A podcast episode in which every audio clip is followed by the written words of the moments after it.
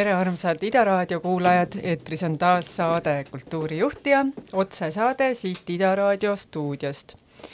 tänaseks äh, kultuurijuhtijaks on äh, Kultuuriministeeriumi kunstide asekantsler Daniel Raudsepp ja mina olen saatejuht Evelin Raudsepp. tere, Daniel, rõõm sind siin näha. tere, Evelin, rõõm siin olla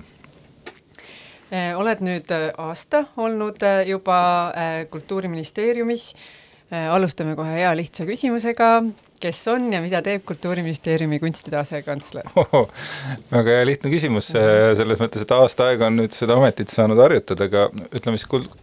asekantsler on äh, selline siis äh, ütleme, tippjuhtide tase ministeeriumides, äh, kes siis tegelevad, ütleme, nende ülesanne on hästi laialt määratletult siis võib öelda poliitika kujundamine. ehk siis tegelikult ütleme, see on see tase, kus valmistatakse ette näiteks äh, otsuseid äh, valitsusele, korraldatakse valdkondade kaasamist ja tehakse palju muud säärast, säärast põnevat. ehk siis noh, ütleme siis kunstide valdkonnas on, on siis see poliitika kujundamine minu tööülesanne. ja kes on sinu juht? Minu juht minu juht on äh, Kultuuriministeeriumi kantsler et mitte otseselt veel kultuuriminister? noh, ütleme, et see, see suhe ametnikkonna ja, ja poliitikute vahel on äh, noh, ei ole nii otse ülemus-alluva suhe, et see on natukene, natukene teistmoodi. minister on minister ja asekantsler on asekantsler, see on, on ka täitsa selge, et noh, minister suunab äh, poliitikat suures pildis aga seal ei ole sellist otsest alluvussuhet, jah mis kõlab isegi hästi. ma arvan, see on mõistlik jah, see aitab tagada riigis teatavat äh, järjepidevust. aga lähme siis äh, ikkagi algusesse, veel, veel algusesse tagasi, et äh, äkki sa kirjeldad selliselt ähm, üldisemas plaanis oma töö, õpingute ja tööalast teekonda, et kuidas sa liikusid ühest valdkonnast või töökohast teise, mis su otsuseid mõjutas et kas sa tundsid, et mingid protsessid juhivad sind, et need äh, pakkumised ja töökohad tulevad sinuni või oled sa ka pidanud ise pigem ikkagi seda teekonda suunama? issand, see on ka väga huvitav küsimus, see elus on olnud nii ühte kui teist, ma pean ütlema, et, et on olnud nii juhust kui, kui kaalutletust, kui pakkumisi, kui muud. aga noh, kui õige kaugelt peale hakata, siis äh, kui ma keskkooli lõpetasin, siis ma läksin õppima Eesti Humanitaarinstituuti, aga Humanitaarinstituudist ja see on omaette lugu, ma jõudsin kuidagi firmasse IT-koolitusse ja hakkasin õpetama või koolitama siis äh, IT-ala tippspetsialiste, ehk siis peamiselt süsteemi administraatorit. sealt ma liikusin Hansapanka juba andmeturbe peale, olin mõnda aega siis Han-, Hansapangas äh, äh IT-riskijuht ja siis koos, koos oma kolleegidega ja siis tuli EKA, selles mõttes, et ühel hetkel sai sellest andmeturbemaailmast äh,, ma ütlen Baltikumi mõttes väga kõrgel tasemel ja, ja lõpuks ka Rootsi ja, ja kõik need, mis sinna liitusid, tekkis teatav küllastumus võib-olla. et äh, see ei olnud, ma ei oska öelda, kas see ei olnud enam huvitav või ütleme, et ütleme siis nii, et ma otsisin uut väljakutset, et, et mida oma eluga siis äh, peale hakata, võib-olla tegemist varajase keskeakriisiga, ma olin siis õige noor, aga siis ma liikusin EKA-sse ja asusin õppima fotograafiat ja see muutis elu päris korralikult, et noh, ma leidsin, et ma tahaksingi tegeleda kultuuriga märksa rohkem. noh, eks seal oli võib-olla teatud pinna sees, et ega see humanitaarinstituudi valik ka omal ajal täitsa juhuslikult ei tulnud, et aga aga siis... humanitaarinstituudis sa õppisidki ikkagi Huma-, Eesti Humanitaarinstituudis IT-d ei saanud kuidagi yeah. õppida, selles okay. mõttes, et et Eesti Humanitaarinstituudis ma ei jõudnud kunagi järeldusele, et kas ma õpin äh, võrdlevalt kultuuriteooriat või sotsioloogiat, ma tahtsin hirmsasti õppida mõlemat ja siis ma, ütleme, surfasin seal ringi ja võtsin erinevaid loe-, sissejuhatavaid ja, ja muid toredaid loengukursusi, et äh, mis oli väga, väga, väga vahva, et et see oli üks omamoodi õhustikuga ülikool, et kus äh, need vestlused, mis algasid seminarist, läksid edasi kohvikus ja, ja vahel ka väga pikalt õppejõudude ja üliõpilaste vahel ja, ja noh, diskussiooni objektiks võis olla ma ei tea, Platon või, või, või, või midagi muud taolist, eks ju, et Habermas. Oli väga vahva, aga selle hariduse pealt ma tõesti sinna IT-valdkonda ei suunanud, et selles osas ma olen, olin autodidakt, võib siis öelda niimoodi, et ma olin äh, selle kuhugile maale selle asja ise selgeks teinud tollel ajal oli võimalik siis autodidaktina tegelikult ka nii-öelda karjääri teha, ma ei tea, kas täna on enam, ma loodan, et mitte. võib-olla teatud mõttes, et see formaalne haridus on ka päris hea. et ja siis äh, järgne, ühesõnaga peale tööd Hansapangas ma liikusin edasi siis äh, Kunstiakadeemiasse, õppisin seal, vahepeal liikusin tagasi panka ja siis tagasi IT-koolitusse ja, ja õpetasin Adobe spetsialiste ja töötasin õpetajana koolis ja tegin igasuguseid asju, nagu ülikooli kõrvalt ikka sageli tehakse. Sündisid minu lapsed ja siis ühel hetkel kas olukord stabiliseerus või ütleme siis ülikool oli läbi saanud, ma töötasin, töötasin siis äh, ühes Eesti-Rootsi ettevõttes ja mis tootis e-koolitust e, e-õpet põhimõtteliselt, meie kliendiks olid, tegime Eestis mõned projektid nagu Keeleklikk näiteks, mis sai ka muud, muuseas selle keeletee auhinna, ma arvan. ja siis äh, aga meie põhiliseks kliendiks oli Norra rasketööstus tegelikult, et äh, ootusõpe alumiiniumitehasesse näiteks ja siis äh, siis ja palju muud huvitavat. mida? ja seda e-koolitusena. seda e-koolitusena just, et noh, see Norras on hästi, tööohutus on hästi oluline, et nad äh, et sind territooriumile kõndima põhimõtteliselt, kui sa oled külaline, lähed tehasesse külla või siis dokki, eks ju, sind ei lasta sinna kõndima ennem, kui sa oled koolituse läbinud. ja noh, selleks on vaja automatiseerimist ja siis eh, noh, et inimesed saaksid, tuled väravasse, istud oma nelikümmend minutit ära, vaatad ootuskoolituse läbi, teed eksami, saad sertifikaadi ja siis alles saad eh, väravast edasi põhimõtteliselt, näeb see niimoodi välja sealt tihti. et äh, aga siis noh no siis sai tehtud seda kunstnikukarjääri ka vahepeal, et oli selline tore ja on praegugi tegelikult selline tore kunstiteosettevõte nagu Visible Solutions eh, koos Karel Koplimetsa ja Sigrid Viirega, kes, eh, kellega koos sai eh, esinetud nii Eestis kui, kui, kui ka mujal näitustel ja tehtud päris, mina, mina arvan, päris head kunsti. noh et ja, ja päris huvitavalt ja siis mingil hetkel tekkis äh, see olukord, kus äh, järsku oli see kunstijoone juhi konkurss. ma olin siis Roomas koos oma kunstiteadlasest äh, elukaaslasega ja siis kuidagi see Norra rasketööstus oli, hakkas ka ennast ammendama. sellel hetkel see oli väga tore, väga tore meeskond, hästi, hästi vahva oli tegelikult, aga, aga siis oli jälle see kus natukene, koht, kus oli natukene niisugune tunne, et no nüüd võiks ringi vaadata jälle ja mõtlesin, et okei okay,, kandideerin ja kandideerisingi ja siis kaks tuhat neliteist detsember, ma arvan, oli see midagi sellist, et, et siis võitsingi ära selle konkursi. ja tuli hakata siis seda kunstijoonet juhtima ja siis siis ma sain mõnda aega juhtida kunstijoonet, mis oli väga põnev töö ma loodan, et äh, ma sain üht-teist äh, ära tehtud, sellepärast et ma, ma nägin seda, et ütleme, põhiline motivatsioon kandideerida sinna oli ikkagi see, et, et midagi muuta. Äh, ja näha oli, et seda muutust on minu, oli vaja. ja siis noh, peale circa siis viite pluss aastat seal tek-, tekkis see tunne, et äkki peaks edasi liikuma, no tegelikult see tekkis mitmel hetkel, et noh, esimene suur võib-olla koht oli see, kus oli, oli see, et kunstijoones sai riiklik sihtasutus, et siis tundus, et okei okay,, et nüüd on nagu mingisugune suur osa tööst tehtud äkki aga, aga siis sealt sai veel, sai,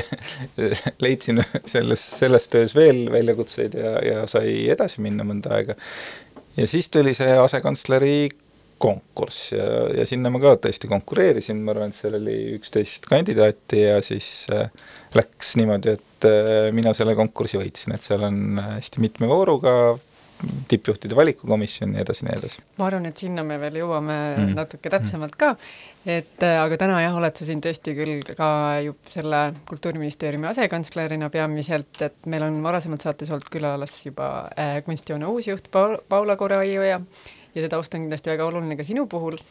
aga täna on just võib-olla huvitav kuulata seda Kultuuriministeeriumi poolt. aga enne, kui me sinna nagu detailsemalt mm -hmm. sisse ujume, siis äh, kuidas sa oled, et noh, vahel öeldakse, et äh, juhiks ikkagi ka sünnitakse või juhil on mingid teatud isikuomadused, et kas sa nagu tund-, oled oma teekonnas tundnud, et, et sa kipud vastutust võtma, tiime juhtima, olema see, kes lükatakse pukki, kui on vaja või kuidas, kuidas, kas sa oled, tundsid endas juhi juba varakult ära? vist kipun olema küll jah, selline, et midagi ei ole teha, et ma ei oska öelda, et ma ennast varakult ära tundsin, aga mingisugune valgustav objekt oli siis või, või moment oli noh, kunagi mul oli hästi lahe kirjandusõpetaja, käisin kirjanduse klassis, Ene Liivaste praegu Manala teel läinud kahjuks kes mingisuguses kirjandustunnis meil oli Tammsaare just ja küsis, et noh, et noh, et kes võtaks selle talu siis teha, et noh, et kes on siis nagu Saunike, kes on seal ja noh, siis ma mõtlesin, mõtlesin, et ei, et me, ikka läheb Andres, noh, et et ja noh, see võib-olla oli see moment, et mõtlesin, noh, et sa oled seal nagu raamatu just läbi lugenud, läbi töötanud, analüüsinud, see ei ole ju midagi ilusat, eks ju, selles mõttes, et ja siis, ja sa teed ikka selle valiku. noh, et siis oli see koht, et pagan, et äh, midagi on vist äh, sedasi, aga, aga mul õnnes, õnnestus seda juhtimist tükk aega veel vältida, eks ju, et noh, et et äh, ma sain töötada spetsialistina päris, päris pikalt erinevatel ametikohtadel, eri, põhiliselt ka liitevaldkonnas. aga kas siis sa ütleksidki, et selline juhi roll algaski kunstijoonega või varasemalt no,? selles mõttes, et ütleme, IT-riskijuht Hansapanga mõistes oli ikkagi spetsialist äh,, siis äh, noh, jah, see juhi roll võib-olla hakkas pigem selle siis äh, Hydraco OÜ-ga, kus ma sain äh, loovjuhiks ja siis äh, pidin juba nii-öelda siis juhtimisotsuseid rohkem tegema Äh, pank andis toot kooli selles suhtes, et mis asi see juhiamet on, et, et seal sai seda hästi lähedalt, hästi palju näha, selles mõttes, et seal oli selline suure organisatsiooni kogemus hästi, hästi suur, kõik need keerukused ja mis ühes väga suures organisatsioonis tegelikult äh, tekivad, et et sellel hetkel võib öelda, noh, ma ei tea, kas see enam on nii, aga tollel ajal me olime päris uhked selle üle, et, Hansapank on Baltikumi suurim IT-ettevõte ja ta kindlasti ka seda sellel hetkel oli, et et kogu oma infrastruktuuri keerukuse ja kõige sellega, et seal oli hästi palju seda, et et ütleme, see IT-riskijuhi töö ei olnud ainult spetsialisti töö, et seal oli väga palju tööd inimestega ikkagi, sellepärast et noh, ka andmeturve on on noh, midagi, mida teevad inimesed ja ta on teatud mõttes aspekt igast süsteemist, ka inimkäitumisest, kui sa vaatad seda inimkäitumist kui siis mingit süsteemi mm. -hmm aga nüüd oled sa ikkagi mõnda aega juba juhina töötanud, et kuidas sa mõtestad enda jaoks, kes on juht või on sul mingisugune oma juhtimisfilosoofia, mida sa tahaksid jagada? mingid põhimõtted või, või kas noh, ma ei, mul ei ole sellist äh, hästi kokkuvõetavat äh, juhtimisfilosoofiat, võib-olla on lihtsalt see, et äh, kes ma ka siis muidu inimesena olen, et et minu jaoks see juhtimine ei ole kuidagi lahus millestki muust. Võib-olla see, et ole aus vea eest, et, et need on võib-olla kaks niisugust põhimõtet, et et juht peab olema eestvedaja ja juht peab olema oma meeskonnaga aus, aga peab ka innustama ja me võib-olla siin jõuame ka täpse, täpsustada seda mõnda mm. ja kujundada siin võib-olla, et saate lõpuks on sul see ju, juhtimisfilosoofia olemas, väga hea. Äh, aga mõned eredamad õppetunnid äkki juhi töökogemusest, mingid murdelised hetked, taipamised, et mida kindlasti ei peaks tegema või mis on just toiminud noh, ütleme, et mida see on hästi palju õpetanud, et inimesed on väga-väga erinevad, et noh, et see, et, et kui sa alustad võib-olla juhina, siis sa arvad, et teised inimesed on enam-vähem nagu sina. Noh, selles mõttes, et noh, et mina, et noh, et, et nende nagu reaktsioonid või nende ettekujutus maailmast on sinu omale sarnane. ja võib-olla mida rohkem sa sellesse nagu sisse lähed, seda rohkem sa saad aru, et, et nad on väga erinevad isegi nagu suhteliselt sarnaste tausta, sarnase taustaga inimeste puhul, et on see, see väga erinev, sõltuvalt nende meelelahutust, kuidas nad mingisuguseid olukordi lahendaksid ja, ja kuidas nad äh, reageerivad. Äh, ja siis äh, mis see teine küsimus oli, mul läks nüüd, mul oli kahes osas kuidagi sellised ah, olulise, olulise, olulise, olulisemad õppetunnid mm -hmm. ja, ja murdelisemad hetked ja sellega võib endale hirmsasti nagu äh, näppu lõigata või siis või ja, ja ka nendele inimestele ja meeskonnale tegelikult äh, liiga teha, et kui sa ei saa sellest aru ja, ja eeldad seda, et, et teised inimesed mõtlevad äh, samamoodi nagu sina, et see on noh, sageli täiesti täiesti vale eeldus, et juhil on vaja hästi palju empaatiat, kui sa küsid nagu mingisugust õppetundi oh,, siis kõige keerulisem õppetund minu jaoks äh, võib-olla üldse nagu tööteel on olnud see, kui me korraldasime kunstihoone kuraatori konkurssi ja selgus, et keegi sinna tulla ei taha. see oli päris alguses, noh selge oli, no see oli ka minu programm, et me läheme üle kureeritud programmile, kuraatorid ei ole majas, eks ju, mitte ühtegi. noh, Tamara Luuk oli aga noh, ühest kuraatorist vä selgelt vähe. Ja noh, kogu organisatsioon vajas ülesehitamist, äh, vajas äh, seda, et et loodaks äh, selge struktuur ja just ka nagu see kuratoorne pool, kuidas me teeme asju, kuidas me räägime kunstist, noh, väga palju nagu kuidas küsimusi, mis kõik olid lahti, mis seni oli väga paljuski olnud kunstnike peal, võib-olla ka siis külaliskuraatorite peal ja täitsa arusaadav oli, noh, ütleme selge oli see, et mina neid küsimusi lahenda, et mul oli täitsa nagu teine tee, ehk siis kuidas äh, lahendada seda institutsiooni. ja konkursil ei olnud mitte kedagi, äh, tähtaeg oli möödas. ja siis äh, mina tegin seda, mida, ma ei tea, võib-olla osad inimesed võib-olla oleks keegi veel niimoodi käitunud, aga mina käitusin konkreetsel juhul niimoodi, et ma siis õhtul hilja, kui see tähtaeg kukkus nii-öelda kell, kell oli kaksteist, istusin oma köögis ja veensin ära oma kunstiteadlasest ja kümneaastase kuraatori kogemusega elukaaslase, et ta sisuliselt jätaks oma karjääri pooleli ja tuleks mulle kunstijoones appi. vot see on asi, mida ma ei soovita kellelgi teha. et, et selles suhtes, et, et esiteks ja noh, teatud mõttes seda võis ju ette näha, et, et tema tõi nagu arvestatava ohvri tegi tegelikult raske valiku, tal oli olemas toimiv äh, karjäär Kunstiakadeemias, jättis selle katki ja siis muidugi saime me sellise sauna, eks ju, kogu valdkonna käest, et äh, ja mis kõige nagu kohutavam selle sauna juures muidugi oli siiamaani öeldes, on see, et, et ka omad sõbrad ei tulnud appi. ehk siis inimesed, kes olid lähedased, hoidsid äh, oma suu kenasti kinni nüüd otse öeldes, et see oli nagu see moment ja ma saan neist ka aru, et ega nemad ju ei teadnud, mis toimus tegelikult, eks et nemad nägid nagu sedasama, eks ju, noh, loomulikult oli see kunstihoone nõukoguga kooskõlastatud ja nii edasi, et kõik oli, oli väga väga korrektselt läbi viidud ja ma tõesti ei oleks seda teinud mingisugusel muul juhul. Ja siis selgus ka muidugi selle asja käigus, et me näemegi asju küllalt erinevalt, et, et, et meie tööstiilid on erinevad, noh et et noh, et ütleme, et me ei olnud selline ideaalne paarisrakend. kindlasti, et me oleme küllalt, mõtleme asjadest tegelikult noh, mingis mõttes sarnaselt, aga hästi erinevalt ja see oli nagu selline päris silmi avav kogemus ja väga raske ning keeruline ka, jah. kas sa siis praegu tagasi vaadates enam seda otsust uuesti ei, ei teeks? Samas olukorras ma kardan, et ma teeksin sama otsuse sama info põhjalt, et äh, et noh, sellepärast, et sellele ka noh, ütleme, et see üleskutse oli laialdane ja, ja ma ootasin tõesti, et, et valdkonnas leidub neid inimesi, kes on, no kes näevad selles nagu tohutut võimalust, eks ju, mina nägin kunstivõrnas sellel hetkel tohutut võimalust, aga tuli välja, et, et ma olin selle võimaluse nägemises üksi või vähemalt keegi ei olnud valmis eh, sinna suhteliselt keerulisse olukorda sisse tulema jah, eks neid äh, skandaale sellisel kujul on äh, vist äh, ikka ja kuidagi Eestis tundub ka, ise mulle tundub, et see on juba või noh, lahtunud kindlasti, et, et vahel võib ju ka või isegi mängitaksegi hoopis vastupidi, seda veel üle võlli ja saab esitledagi seda kui, kui paarisrakendit, mis, mis veabki no jah, ei,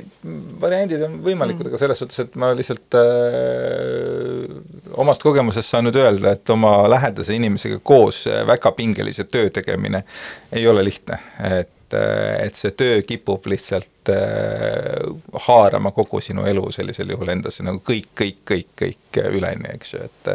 et sul ei ole, teki see, see, see piir nagu eraelu ja töö vahel kaob täiesti ära, eks ju, et on oht, et, et kõik läheb täiesti tasakaalust välja. et selles suhtes on ohtlik tee. jah, kas siis äh, juhina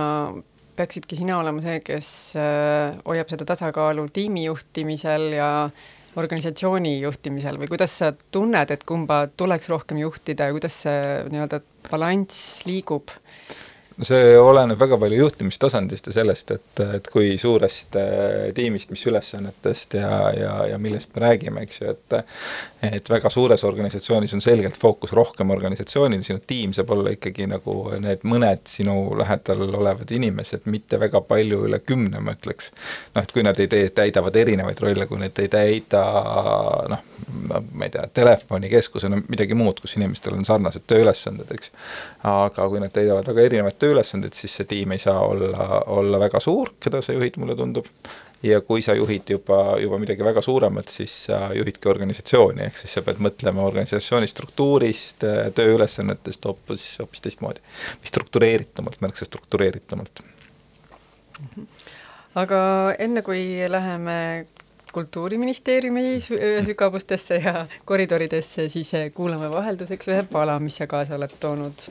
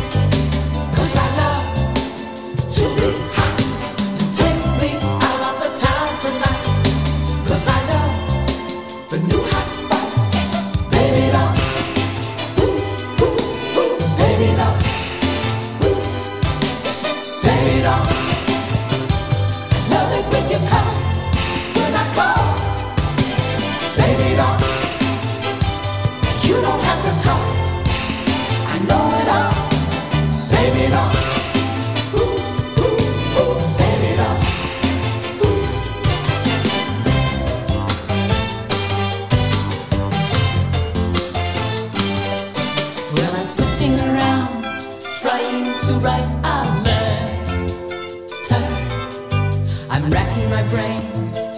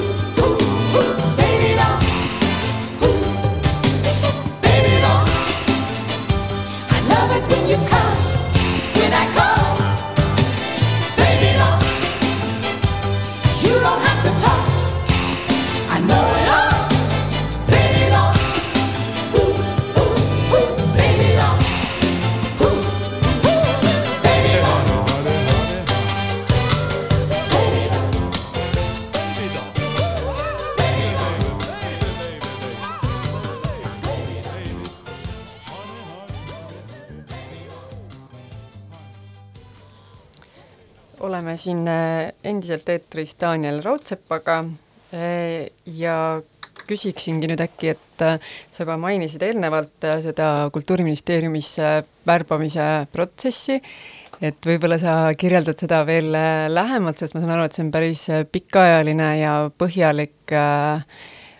protsess ja, ja kas see kuidagi valmistas sulle ka endale väljakutset? sa mõtled, pead nüüd silmas minu värbamist, ma saan aru? jah. okei okay see on, ma saan aru, et see on standardprotseduur nii-öelda siis äh, tippjuhtide värbamisel siis ehk siis asekantslerite, peadirektorite värbamisel Eesti riigis äh, ja see oli väljakutse, mulle üldiselt meeldivad sellised väljakutsed, et et võib öelda, et ma nautisin seda protseduuri ikkagi. Ja see nägi siis välja niimoodi, et äh, natukene meenutama, et alustuseks oli siis äh, essee lühikene äh,, CV sellele järgnes siis esimene vestlusring, kus olid siis äh, nii-öelda Kultuuriministeeriumi esindajad ja siis tippjuhtimise värbamiskeskuse spetsialistid äh,. peale seda vestlusringi ja siis igas, igast voorust siis tõenäoliselt said edasi mingid inimesed, et ma ei tea, mitu inimest igast voorust äh, lõpuks siis edasi sai, aga aga siis järg-, peale seda vestlusvooru järgnesid siis sellised asjad, nagu seda oli siis äh, vaim-, vaimsete võimete test ja isiksusomaduste test, mis on niisugused tunniajased arvutis testivad testid, kus sa saad sellise põhjaliku punktiskoorimine, mis oli selles suhtes nagu, nagu huvitav, et noh, ütleme, valmistas ka minule teatava pettumuse, sellepärast et selgus, et minu nagu ruumiline mõtlemine oli vahepeal kunstihoonete juhtides pigem alla käinud ja siis ütleme, matemaatiline analüüsivõime oli teinud väikese spordi, eks ju, et noh, et, et noh, see, millega tegeled, tuleb ikka paremini välja. ehk siis numbrid ja siis sellele järgnes veel omakorda siis eraldi vestlus äh, tippjuhtide spetsialisti või ütleme siis selle nii-öelda tippjuhtide värbamiskeskuse spetsialistidega, et äh, mis oli selline, ma arvan, et pea kahetunnine vestlus, kus esitati nagu ütleme, päris, päris, päris põhjalikult võeti sinu siis äh, kõik, kõik aspektid, kõik, mida küsida sai, põhimõtteliselt küsiti ära, et ja hästi palju fookus sellele, et kuidas sa erinevates situatsioonides äh, reageerid, kuidas sa lahendad äh,, väga-väga põhjalik intervjuu äh,. siis, ja sellele siis järgnes äh, ma arvan, et peale seda oli see, siis oligi nii-öelda viimane voor, äh, kus siis on äh, ka mõned siis ütleme, tippjuhtide värbamiskeskuse spetsialistid, aga siis äh, riigisekretär ja siis mõned äh, mõnede teiste siis ministeeriumide kantslerid äh, teevad sinuga siis intervjuu ja noh, küsitakse näiteks sinu sellesama visiooni kohta või siis selle, sa oled ette valmistanud presentatsiooni, ma arvan, ma olin selleks hetkeks, et nüüd mida siis kultuuripoliitikas ära teha ja siis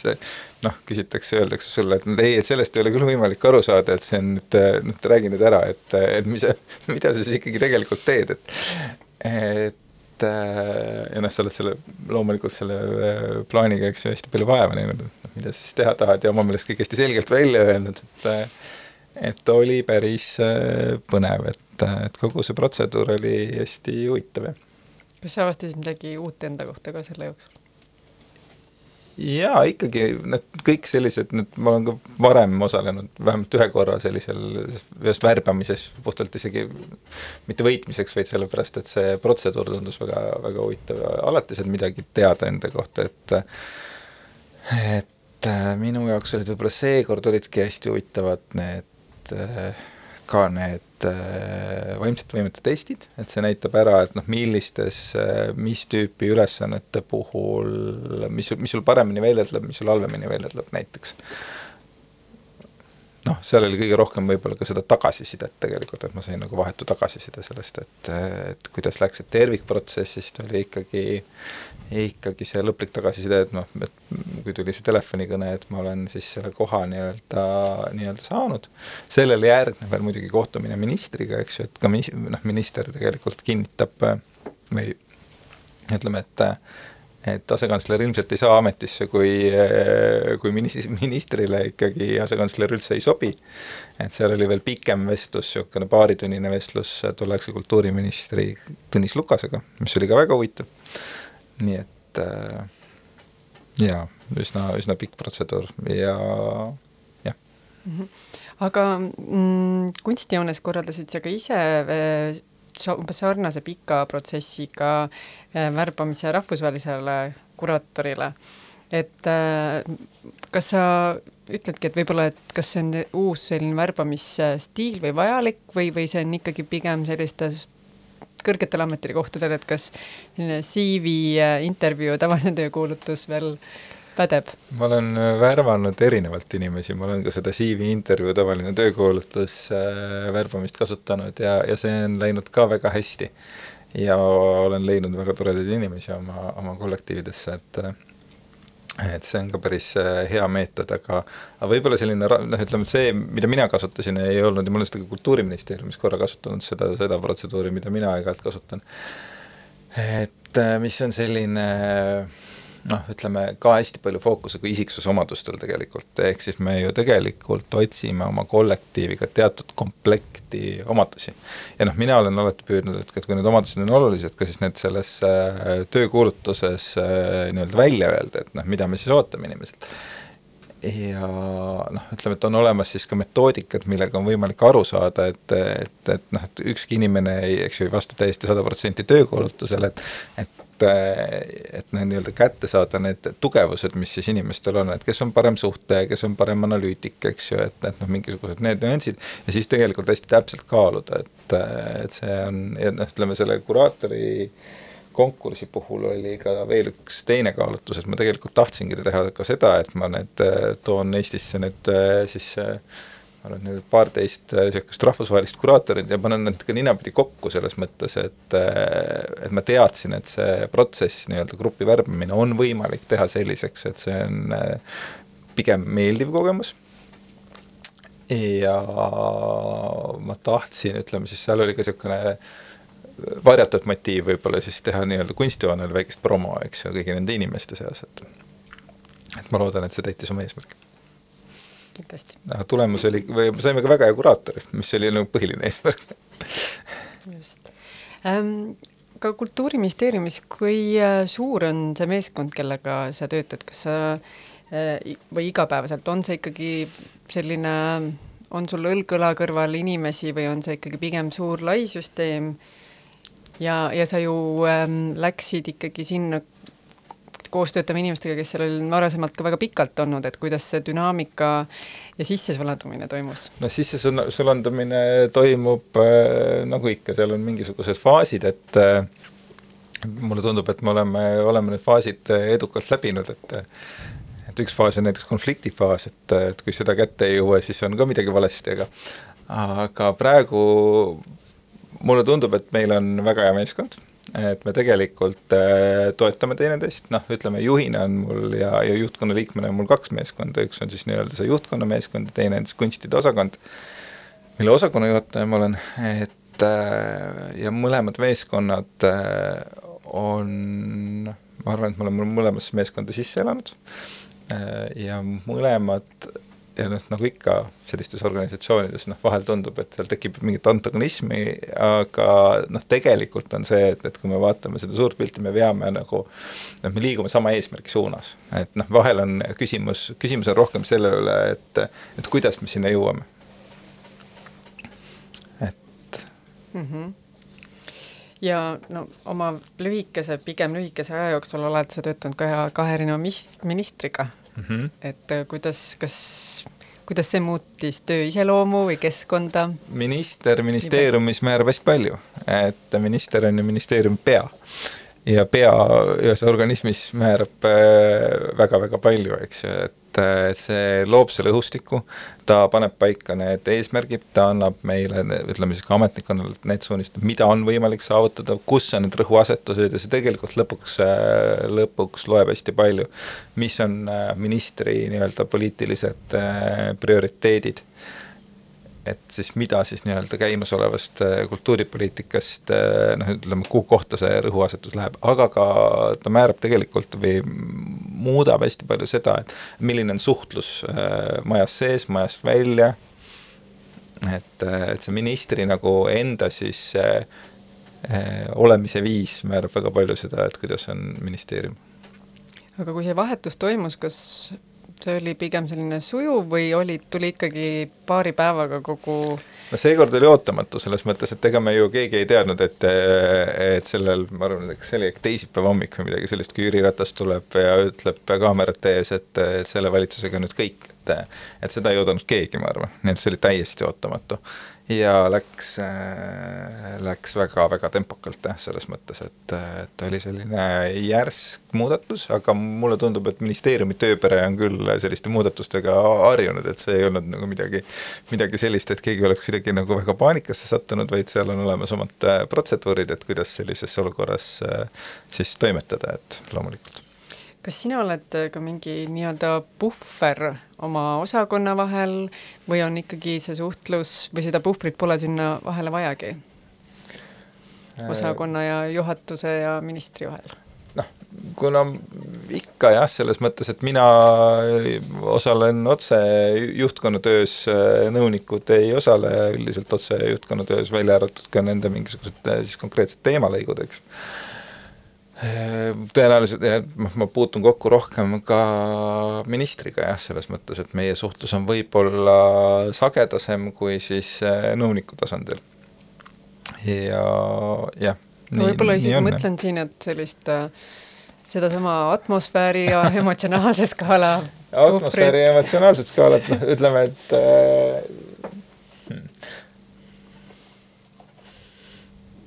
hmm. mis ma võib-olla ei saa küsimusest aru, eks ju, selles mõttes, et, et kui sa mõtled seda, et kas ma pean kuidagi nagu, mis, mis seal puhver olemise all mõtled, et? Et kas sa pead vahepeal mingisuguseid pingeid seal nagu vahelülina maandama või vastupidi, midagi võimendama, aga ma arvan, et juht peab selgitama, et ma nagu eraldi nagu maandamisega ei tegele, et ma usun täiesti siiralt sellesse, et siiamaani on see mind aidanud, et, et kui inimesed saavad aru mingite olukordade tagamaadest ja mingite otsuste äh, loogikast, äh, siis tegelikult äh, on ka üsna lihtne toimida. et et põhiliselt ma pean hoolitsema selle eest, et see informatsioon jõuaks kõigi vajalike inimesteni, jah. Et kui on mingisugune otsus tehtud, miks see otsus sündis, kuidas sinna jõuti, et seda on vaja küll kommunikeerida, aga see on ja see on hästi oluline, et inimesed saaksid sellest aru, et ei tekiks mingit arusaamist, et kusagilt, kusagilt tehti mingisugune otsus, mis puudutab justkui neid näiteks, ma ei tea, mingi konkreetse nõuniku valdkond, olgu selleks muusika, kunst, kirjandus, disain siis peab olema ka sellel otsusel, eks ju, selge ja arusaadav äh, põhjus. Ja noh, loomulikult äh, peab olema olnud võimalus äh, selle valdkonna spetsialistil kaasa rääkida. Ehm, aga kui oluline on sealjuures töö tagasisidestamine nii sulle kui sina oma, oma tiimile, et kas sa kontrollid, et kas kõik said aru? Või, või tegelikult ka ma mõtlen ikkagi laiemalt, et et kas sa pead või kas teil on välja kujunenud rituaalid arenguvestlusteks või üks-ühele äh, kohtumisteks? me tegeleme oma organisatsioon, ma võin sellele vastata niimoodi, et me tegeleme oma organisatsiooni arendamisega, et üks asi, mis äh, sai hästi kiirelt äh, selgeks minu jaoks, oli see, et ja, ja täna ongi, olemegi jõudnud sinna, et et näed, asekantsleri roll noh, ütleme, kui kui ma läksin sinna tööle, siis eh, noh, põhimõtteliselt on kahetine roll, et sa oled asekantsler, mis tegelikult tähendab hästi palju seda poliitika kujundamise tööd ja ka tööd majast välja. ja siis teistpidi, sul on osakond juhtida ja sul on osakond tegelikult, kus on veel kaheksa valdkonda, eks ju kus äh, noh, on ka, võib öelda, et iga nõunik on poliitikakujundaja, et siis noh, selleks, et seda osakonda hästi juhtida, tegelikult äh, mina nägin, et on vaja lisajõudu ja, ja praegu me olemegi läinud seda teed, et lisaks siis asekantslerile on äh, on siis äh, osakonnas äh, osakonna juhataja asetäitja, kes tegeleb äh, rohkem, kelle fookus on rohkem sellel nii-öelda siis töökorralduslikul poolel, et kuidas me hakkama saame. ja siis osakonna juhataja asetäitjaga koos me praegu tegeleme selle, selle nii-öelda arengu,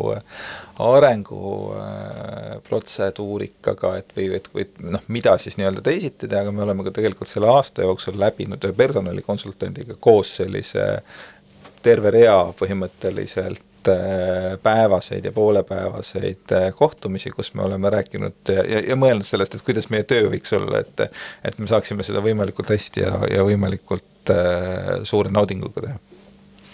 kas see selline areng hõlmab endas ka peale tööd baari minekut, kohvikusse minekut, et kas issand, kuidas tahaks. Selles mõttes tükk aega ei ole ju saanud tegelikult, et meil on olnud väga palju, väga palju kaugtööd, aga, aga nüüd on varsti plaanis küll jah, selles mõttes, et et päris pikalt ei ole ju see õnnestunud, et ennem kui koroona peale tuli, jah, me käisime vahel osakonnaga väljas, tegime, kes kes selle Virgin Mary, kes Bloody Mary ja siis äh, istusime, ajasime juttu ja, ja võib öelda, et see on küll üks asi, millest ma noh, väga-väga olen puudust tundnud, et, nüüd on õudselt hea meel näha, et äh, varsti saab ehk jälle. et nüüd, nüüd on, nüüd on küsimus ainult ajas, et praegu on juba võimalik. kas see on ka selline oluline osa ikkagi töökeskkonna loomisel, et kaugtöö killib äh, sellist mugavat töörütmi ja, ja tiimi, tiimitööd? Mina arvan, me oleme kaugtööga tegelikult hästi, päris hästi hakkama saanud, et, et see töö iseloom on Kultuuriministeeriumis selline, et tegelikult saab teha eemalt, inimesed käivad äh, kontoris vä-, noh, ütleme väga erinevalt. Ja noh, ei ole tegelikult sellist tunnet, et et nüüd jääks selle pärast midagi tegemata, et et äh, pigem on seal natukene hoopis vastupidine oht, mulle tundub kaugtöö puhul, et on äh, lihtne ära unustada see töö algus, töö lõpp, eks ju, et jälle teha nagu hästi-hästi-hästi palju tööd. ja, ja noh, ütleme, et seal on mingisugused teised ohukohad, et äh, sinu noh, koosolekute vahel ei pea enam üldse, eks ju, mingit aega jätma, sellepärast et sul on võimalik hetkeliselt lülituda ühelt koosolekult teisele koosolekule ja siis nii vahel on päevi, kus kus inimesed peavad ütlema, et äh, ma olen näinud seda, kus ma olen ise seda öelnud, ma kardan ka, et ma, ma palun pausi, et ma soovin minna tualetti, et ma täna ei ole saanud käia et, äh, et noh, need on need ohukohad, mida peab tegelikult jälgima, et inimesed ei töötaks ennast liiga ära, aga kui ütleme, mis iseloomustab Kultuuriministeeriumi meeskonda üleüldse väga on pühendumus. ehk siis kõik need inimesed, kes seal töötavad tegelikult kõik need nõunikud, kellega mul on tohutult äh, hea meel äh, koos töötada ja ka kõik minu teised kolleegid, on meeletult pühendunud, et seda näitas hiljutine uuring, mis meil majas tehti. et see on, äh, ja no ütleme, liigne pühendumine on võib-olla ka ohtlik, eks ju, et noh, ja seda peab, seda, seda peab tähele panema. aga siis on vähemalt kultuur heades kätes. jaa, ma usun küll, jah ähm,. aga mis on äh, sinu jaoks edu mis on minu jaoks edu mm? -hmm. ja kuidas sa seda tähistad, tiimiga jagad? edu on see, kui täitub mingisugune, mingi eesmärk saab täidetud. kuidas ma seda tähistan, oleneb äh, oleneb äh, asjaoludest, ehk siis äh, suurt edu võib-olla saabki minna välja ja teha väikesed äh, et ringid võib-olla või siis juttu ajada, väiksem edu äh, saab lüüa patsi koridori peal, et äh, ja juttu ajada, et, et kuidas meil läks. Aga lähme siit äh, edu, edulainelt korra jälle helipala juurde ja et vaikselt hakata ka siis koondama mõtteid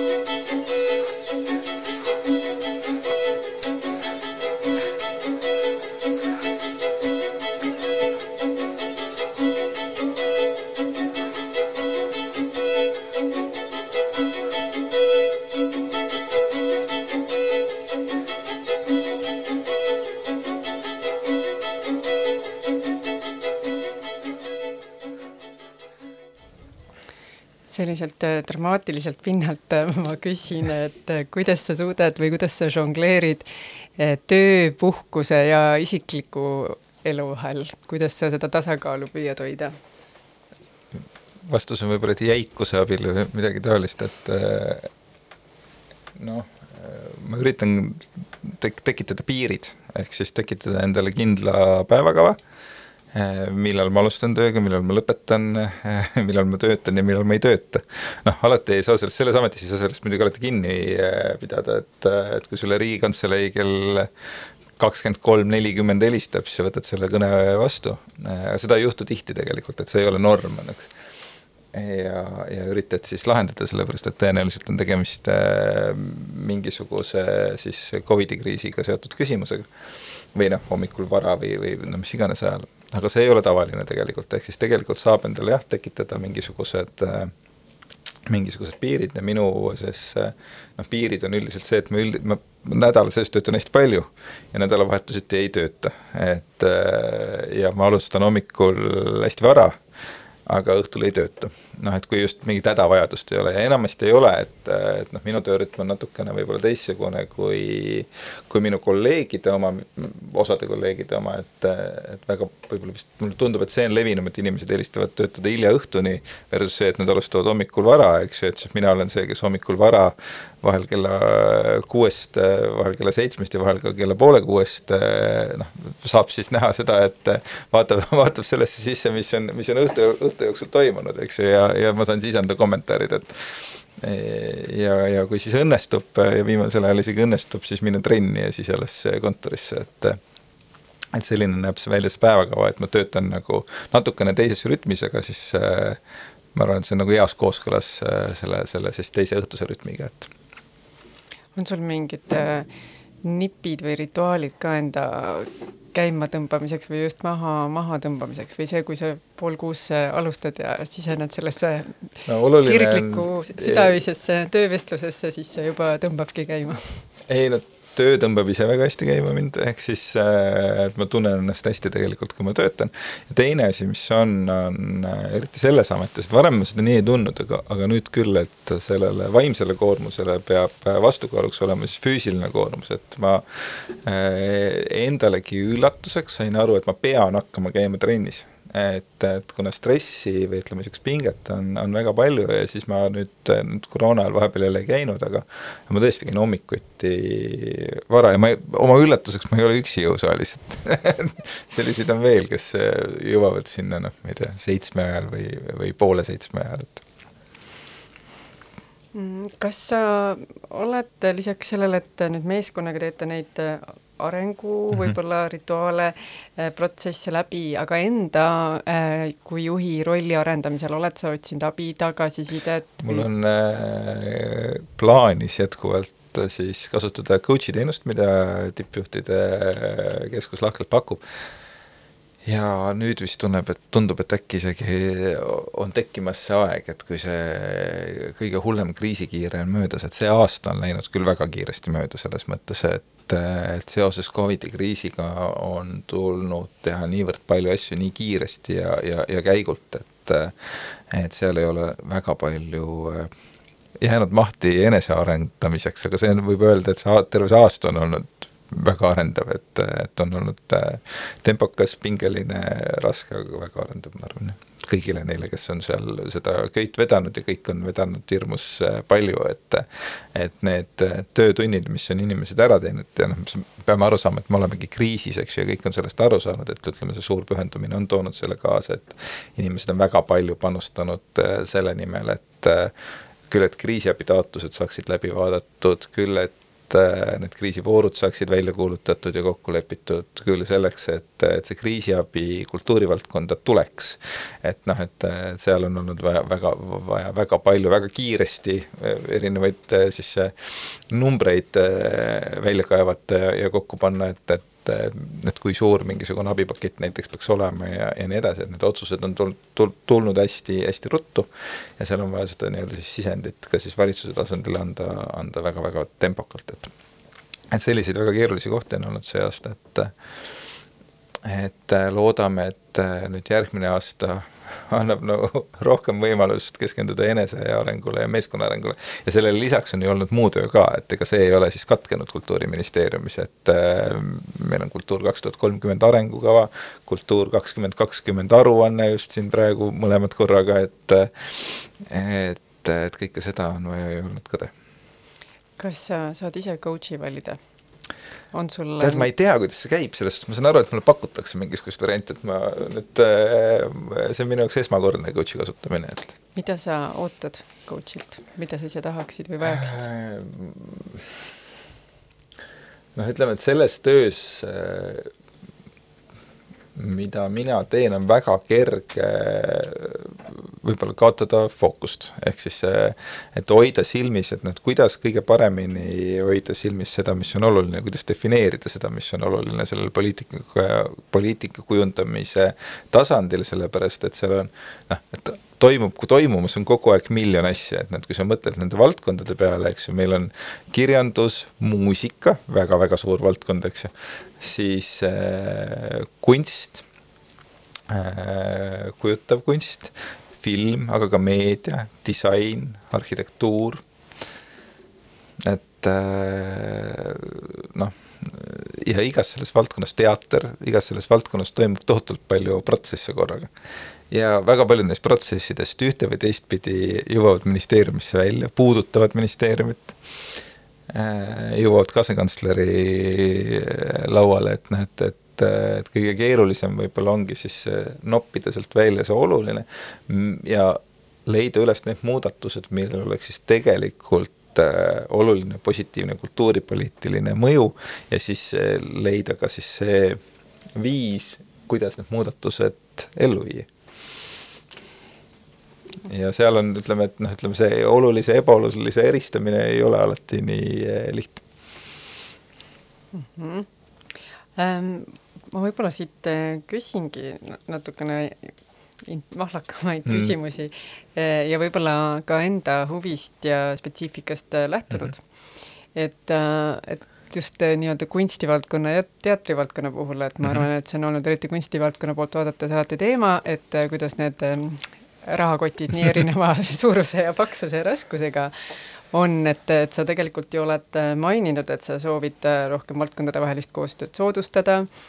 et, et mis sa arvad, et kas see, see rahakottide paksus on ikkagi tingitud valdkonna spetsiifikast ja see on paratamatu niimoodi või või on see mingi teema, mida sa suudad, tahad äh, arendada? ei noh, selles suhtes, et jah, ütleme siis valdkondade vaheline tasakaal äh, poliitika kujundamisel on minu jaoks äh, kindlasti oluline, et et äh, minu jaoks ei ole noh, üks valdkond olulisem kui teine või, või teine rohkem oluline, et et minu vaatest ei ole eestlased teatrirahvas, aga ei ole ka kunstirahvas, ma võin öelda, et eestlased on kultuurne rahvas, kes muuhulgas hindab arhitektuuri, disaini, käib kontserdil ja, ja tegeleb, tegeleb kõige, kõigega, mis kultuuri puudutab. Ja meil nii on tegelikult, et kui me mõtleme sellele, et